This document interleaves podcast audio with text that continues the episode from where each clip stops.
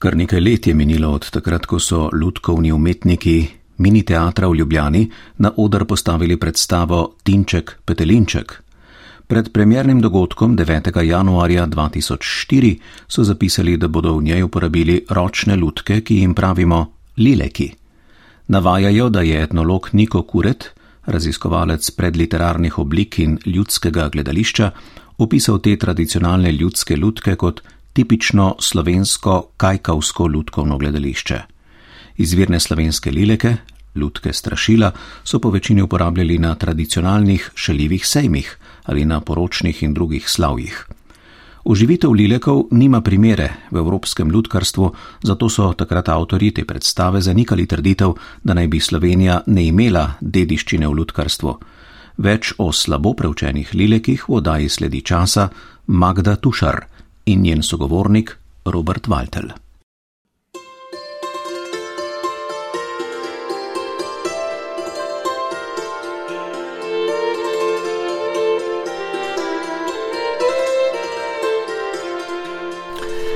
Tisto, za kar štejemo slovensko ljudkovno gledališče, sega v leta po prvi svetovni vojni v njegove povoje, se je zapisalo ime slikarja Milana Klemenčiča.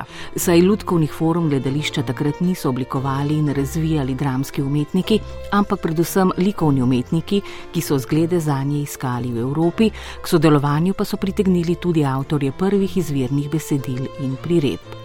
Pravo odkritje, ki pa je po zapisih v strokovnih etnoloških publikacijah dan danes bolj malo deležno raziskovalne pozornosti, je bila zanimiva oblika ljudskega ljudkarstva na slovenskem, za katero v opisu etnologa Borisa Orla izvemo, da je živela in se razvijala še pred prvimi repertoari slovenskega marionetnega gledališča. Šlo naj bi za igrsko šalo, svadbeno prizoritev v okolici Ptuja. Ta in njej podobne igrane oblike s posebnimi ročnimi lutkami so se lotevale običajnih tem iz vsakdanjega življenja ljudi in njihovih medsebojnih odnosov. Pravdanje za mejo, davkarije, obdavčitev, mlačev in drugih realističnih motivov ljudi z podeželja, ki so odslikavali njihove načine življenja, skrbi in tedanje spore. Te ostanke ljudskega gledališča je na našem etničnem ozemlju proučeval tudi etnolog Niko Kuret, ki sicer nikoli ni pojasnil, odkot in kako je to ljudsko lutkovno obliko, ki jo imenujemo lileki, k nam sploh zaneslo. Ugotovil pa je, da so te delno tudi samonikle igre uprizarjali na Ptujskem polju, v okolici Stične, v Suhi krajini, Saleški dolini in v Zgornji Savinski dolini. Ludkar Robert Waltel, ki vodi Ljubljanski mini teater, se je pred leti odločil, da v tem gledališču na oder postavijo rekonstrukcijo Lilekov, vendar se je lahko zanašal le na desetletja stare izsledke, ki še nimajo znanstvenih epilogov. Lileki so ena zelo zanimiva stvar. Dolgo časa je veljalo, da slovenci nimamo tipične slovenske lutke. Če nekako štejemo za začetek profesionalnega lutkarstva Klemenčiča, to pomeni začetek 20. stoletja. In vemo, da se je on ukvarjal predvsem z marionetami in to z temi zelo majhnimi marionetami, ki pa vemo, da so nekako, bomo rekli, domovina bolj nekje na zahodu, oziroma Češka, pa potem Nemčija, so lileke ena zanimiva stvar. O lilekih je prvi začel eh, pisati, raziskovati Niko Kuret, in v teh raziskavah, seveda, ni ravno uspel najti veliko primerov. On je to delal tam v 50-ih letih, pa je takrat že to gledališče izginjalo, ampak on nekako pravi, da je to gledališče, ker na zahodu ni nobene primerljive oblike. Gre za preprosto lutko, na križu, skratka, dve leseni palci, prečnik, na katerega je um, igralec, ki je to igral, dal kakšen, ne vem, suknič, klubuk, skratka, potem bila ena klop in on se je vlegel pod klop, na eni strani je imel eno lutko, na drugi strani je imel drugo lutko. In zato je tudi večina teh, moramo reči, zelo dramskih prizorov, ker je šlo zelo za preproste stvari. Igrali so ponavadi na kakšnih sejmih, tudi na porokah, v gostilni.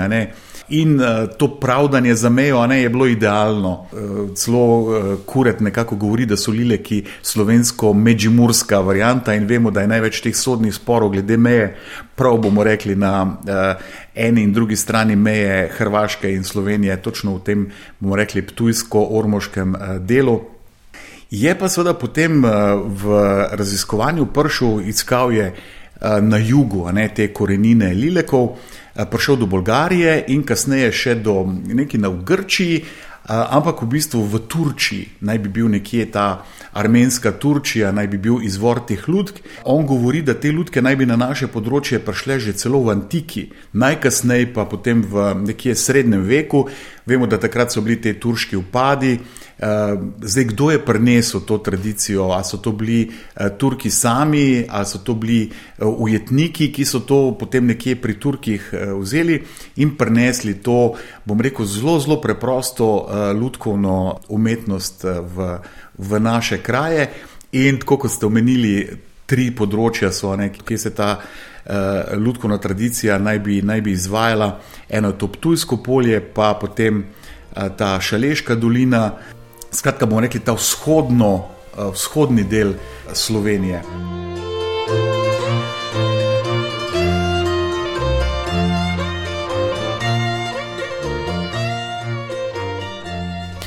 Lile, ki so, kot je bilo rečeno, unikom upisani množici tradicionalnih lutk širom po svetu, zato je etnolog Niko Kuret poizvedoval o sorodnih oblikah pri drugih narodih zahodnega in vzhodnega sveta ter potem bolj na jugu, v Grčiji in v Turčiji, naletel na različne plešoče lutke, lutke iz cun, rekvizite pri pustnih običajih, na lutko, ki je ponazarjala otroka in druge. Razmišljamo, da gre za dolgo pot v preteklost do srednjega veka ali celo dlje do antike. Poročevalec je videl predstavo leta 1946 na Višnjah pri Ambrusu v Suhi krajini. Igra se samo na ohcetih, nastopata pa lutki v prizorih o davkarju in kmetu ali o dveh kmetih mejaših. Pokrajinsko bi se dal ta primer uvrstiti v okoliš Suha krajina Temeniška dolina. Terensko raziskovanje bi morda odkrilo še več primerov in pomagalo določiti smer provenjence, za zdaj ga moramo odložiti. Med zapiski Inštituta za glasbeno narodopisje v Ljubljani pa smo našli podatek iz podveže pri Lučah v Gorni Savinski dolini. 11. julija 1958 je povedala Minka Mlačnikova, dr. Valensu Vodušku, da je njen brat Tomaš Mlačnik, ki so ga na ogrskem ubili, znal narediti Gašperja in Miho, ponavadi takrat, ko so imeli proso. Legel je pod klop in z vsako roko zgrabil za kov. Nan je nasadil pruštov in klobuk. Na klop je bil snop prosa, ki bi ga morala Gašper in Miha, tako je bilo ljudkama ime, zmeti. Toda eden navzočih je začel ščuvati Miho, udar Gašperja. Ta si ni dal dvakrat reči, tako je na mesto metve prosa nastal pretep. Ta očitni sorodnik međimurskih junakov Gašparja in Melka je utegnil priti naravnost iz Međimurja, ogrskega, ako je Tomaš Mlačnik večkrat zahajal tjakaj, kar bi moral pojasniti ponovni obisku pod veži. Ni pa tudi izključeno, da je bilo podobno kakor v suhi krajini, neko doslej neugotovljeno središče v Savinski dolini, odkuder so se ljudke širile v Gornjo Savinsko dolino in v dolino Pake, Šaleško dolino. To bi morda dognalo raziskovanje na licu mesta, ki zanj še ni bilo priložnosti. Po dosedanjem stanju naših raziskav imamo torej na slovenskem tri ljudkovna središča: Ptujsko polje, suho krajino, piše stiško okolico, aha, suho krajino, stiško okolico in savinsko šaleško dolino. Vsi primeri se reducirajo na najpreprostejšo dramatsko akcijo, na pretep. Kažejo se neke značilnosti. Ptujsko polje pozna živega protagonista, ki ga drugot ni, vsaj ne z izrazito vlogo. Savinsko-šaleški okoliš se omejuje na pantomimo, ki jo usmerjajo gledalci. Besedilo se povsod improvizira, dejanje pa je vzeto iz neposrednega zanimanja kmečkega okolja: meja, mlatev, davkarija. povsod so lutke del občestvenih zabav, ohcet, fantovska gostija.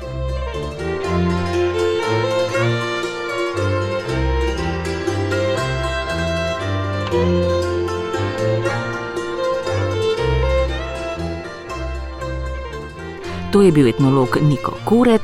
Težko bi ocenili tudi, koliko priložnosti za tako lutkovno kulturno javno zabavo je bilo v letu, pravi Robert Waltel.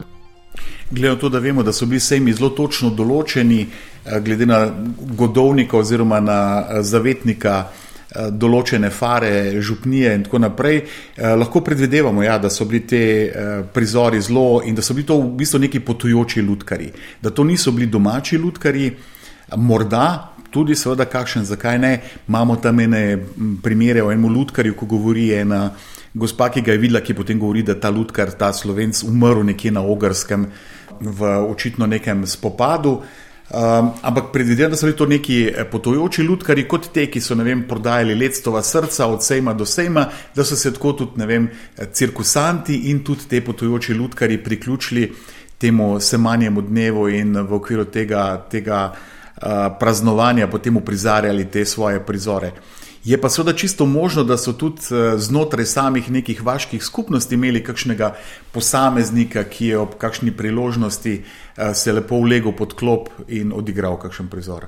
Šlo je res za čist preprosto, včasih so bile pač v gostilnah te dolge klopi in obrno je to klop, se ulegel pod njo, čez klop so dali kakšen, kakšno rjuho, tako da je bil on skrit in potem samo takrat v prizoru, ko je bil vem, sodnik, je njegova glava se izpred, izpod te klopi prikazala in potem razsodila, kdo je zdaj v tem uh, mejaškem sporu, kdo ima prav in kdo je.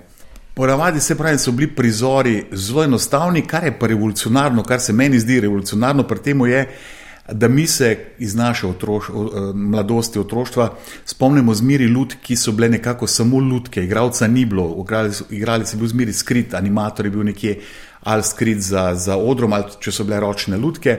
No, pri Lilekih je pa zanimivo, da gre za živega igralca, ki posreduje v samo zgodbo. To pomeni, da gre za en zelo modern princip, ki ga danes večinoma uporabljamo v ludkovnih predstavah, kjer kombiniramo igralca z, z samimi ludkami.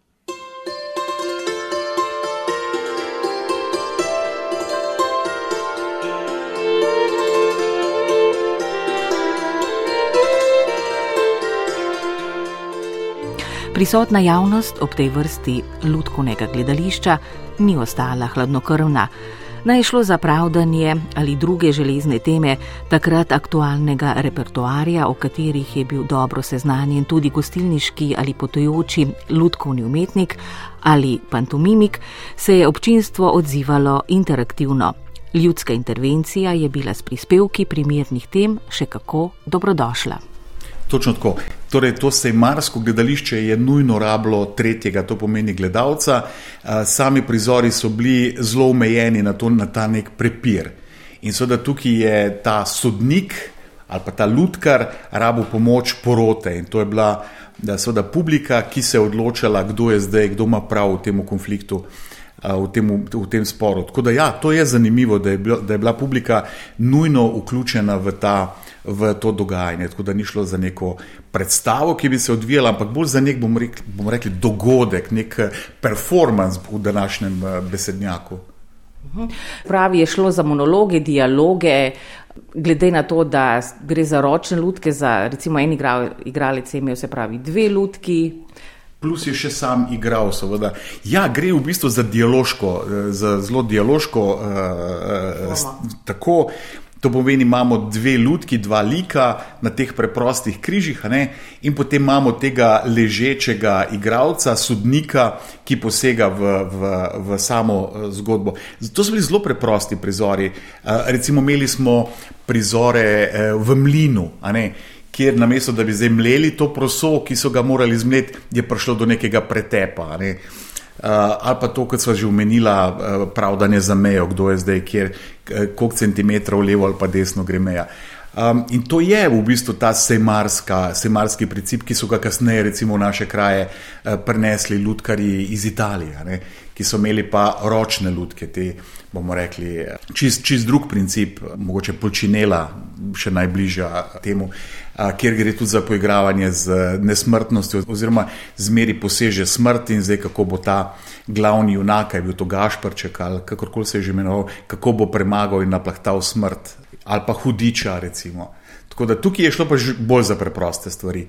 Um, tudi, seveda, recimo, um, pri Srbih imamo eno izpeljanko teh, ne moramo reči lileko, ampak oni imajo ta kukole Todor. Kukole Todor, kjer pa umre na koncu ta glavni junak in potem žena, seveda, ki je najprej naredila vse spletke, da bi ga uh, umirila, za njim uh, jadikuje in uh, kuka, in iz tega tudi potem imamo ta kukole to, Todor.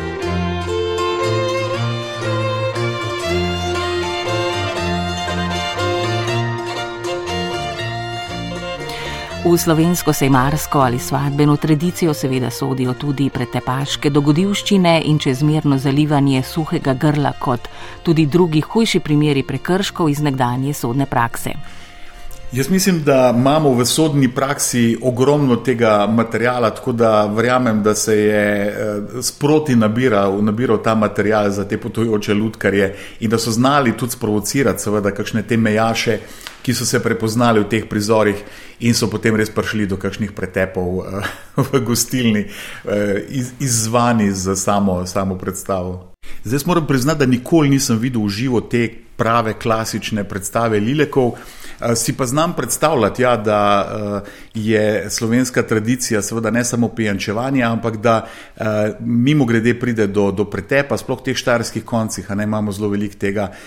In čisto možno je, ne, da je en tak nedolžen prizor v zapravljanje za mejo pripeljal do, do kakšnih resnih pretepov med dvema sosedoma, ki sta imela podoben problem.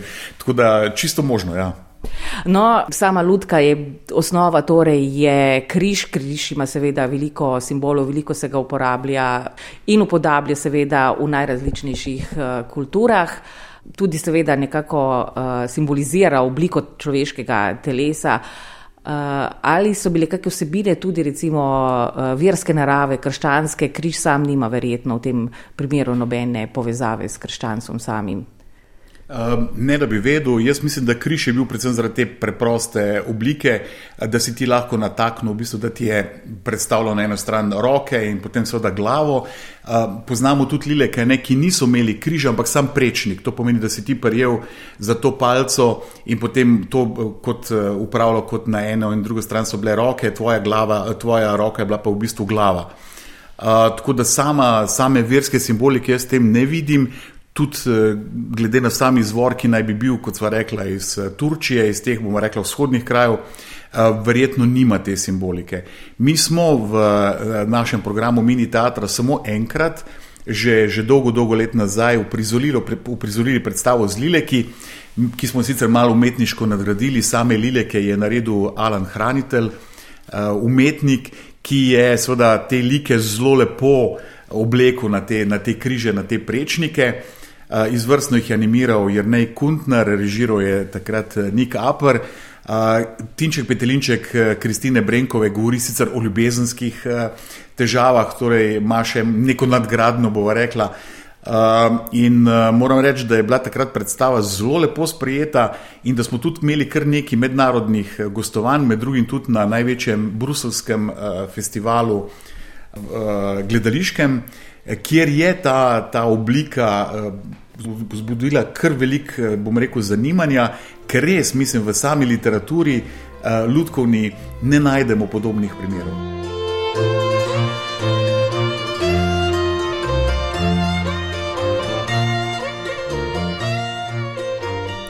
Ta enostavna, kratka gostilniška forma ali ljudkovna forma ljudskega izročila sejemske stojnice pa ni upeljala v srednje osebe prepoznavnega lika in njegove funkcije. Čeprav iz poznejših temeljev umetniškega ludkarstva poznamo dolgo in ostrojezičnega nabritega Gašperčka, ki tudi ni povsem izviren slovenski lik, je pa samo svojega duha. Ja, zanimivo je, čeprav nekje najdemo neka imena Slo Gašprče, ki pa se verjemo, verjetno bolj veže na Kasperla Nemškega in na to, bomo rekli, uh, marionetno gledališče, ampak ima tudi, recimo, malo primer uh, Mihata oziroma Melchiorja, ki pa lahko mogoče nekako nam sugerira tudi to, bomo rekli, nativiti oziroma ta uh, jaslice sceno, ker imamo Melchiorja kralja, zdaj to jaz špekuliram. Ampak ta Miha je bil en tak, uh, tako ime, ki se je pojavljalo v teh uh, lutkovnih prizorih. Uh, uh, tako da uh, te jaslice, seveda, so tudi ena zanimiva stvar. Uh, Ker pač je bilo včasih uprizarjanje uh, jaslic z lutkami zelo, zelo prisotno, uh, mogoče malo manj v Sloveniji, ampak seveda, kar se tiče pa samo malo, malo naprej, Slovaška, Poljska, Ukrajina, je pa ta tradicija zelo stara in zelo močna.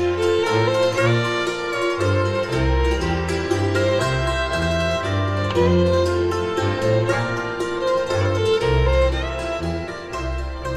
Tudi od koprodukcijske predstave v mini teatru, ki jo je na podlagi besedila Kristine Brenkove, Tinček Petelinček leta 2004 pripravil Niko Goršič, Nik Apar, je minilo že nekaj let. Poleg težko izpričanih izvorov podobnosti z drugimi ljudskimi tradicijami in razširjenosti, se med drugim postavlja tudi vprašanje morda uporabljene glasbe in izvabljanja drugih zvokov, upeljave posebnih ritmov. Mm, absolutno sem prepričan, da v vsaki gostilni se je našel kak godec.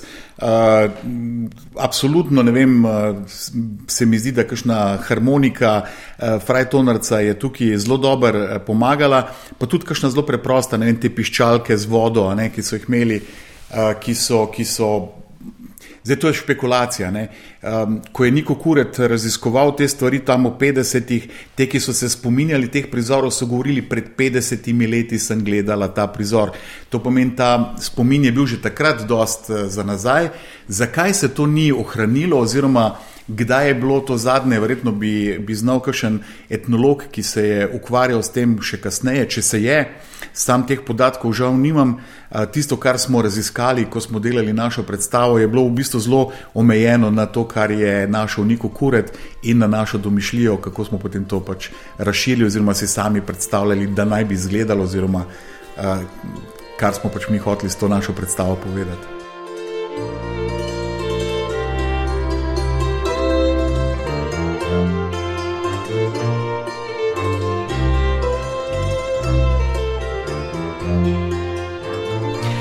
V oddaji sledi časa smo se podali v malo znano ljudsko zgodovino ali celo predzgodovino ljudkarstva na slovenskem, ki danes tako kot druge umetnosti doživlja številne inovacije, prestopa meje drugih medijev in je ena izmed najbolj heterogenih oblik uprizoritvenih, odrskih ali scenskih umetnosti. Oddaja, v kateri je o Lileki govoril ljudkar Robert Waltel, Igor Vrše je bral odlomek zapisanega pričevanja etnologa Nika Koreta, tehnično jo je uredil Miha Klemenčič, sem pripravila Magda Tušar.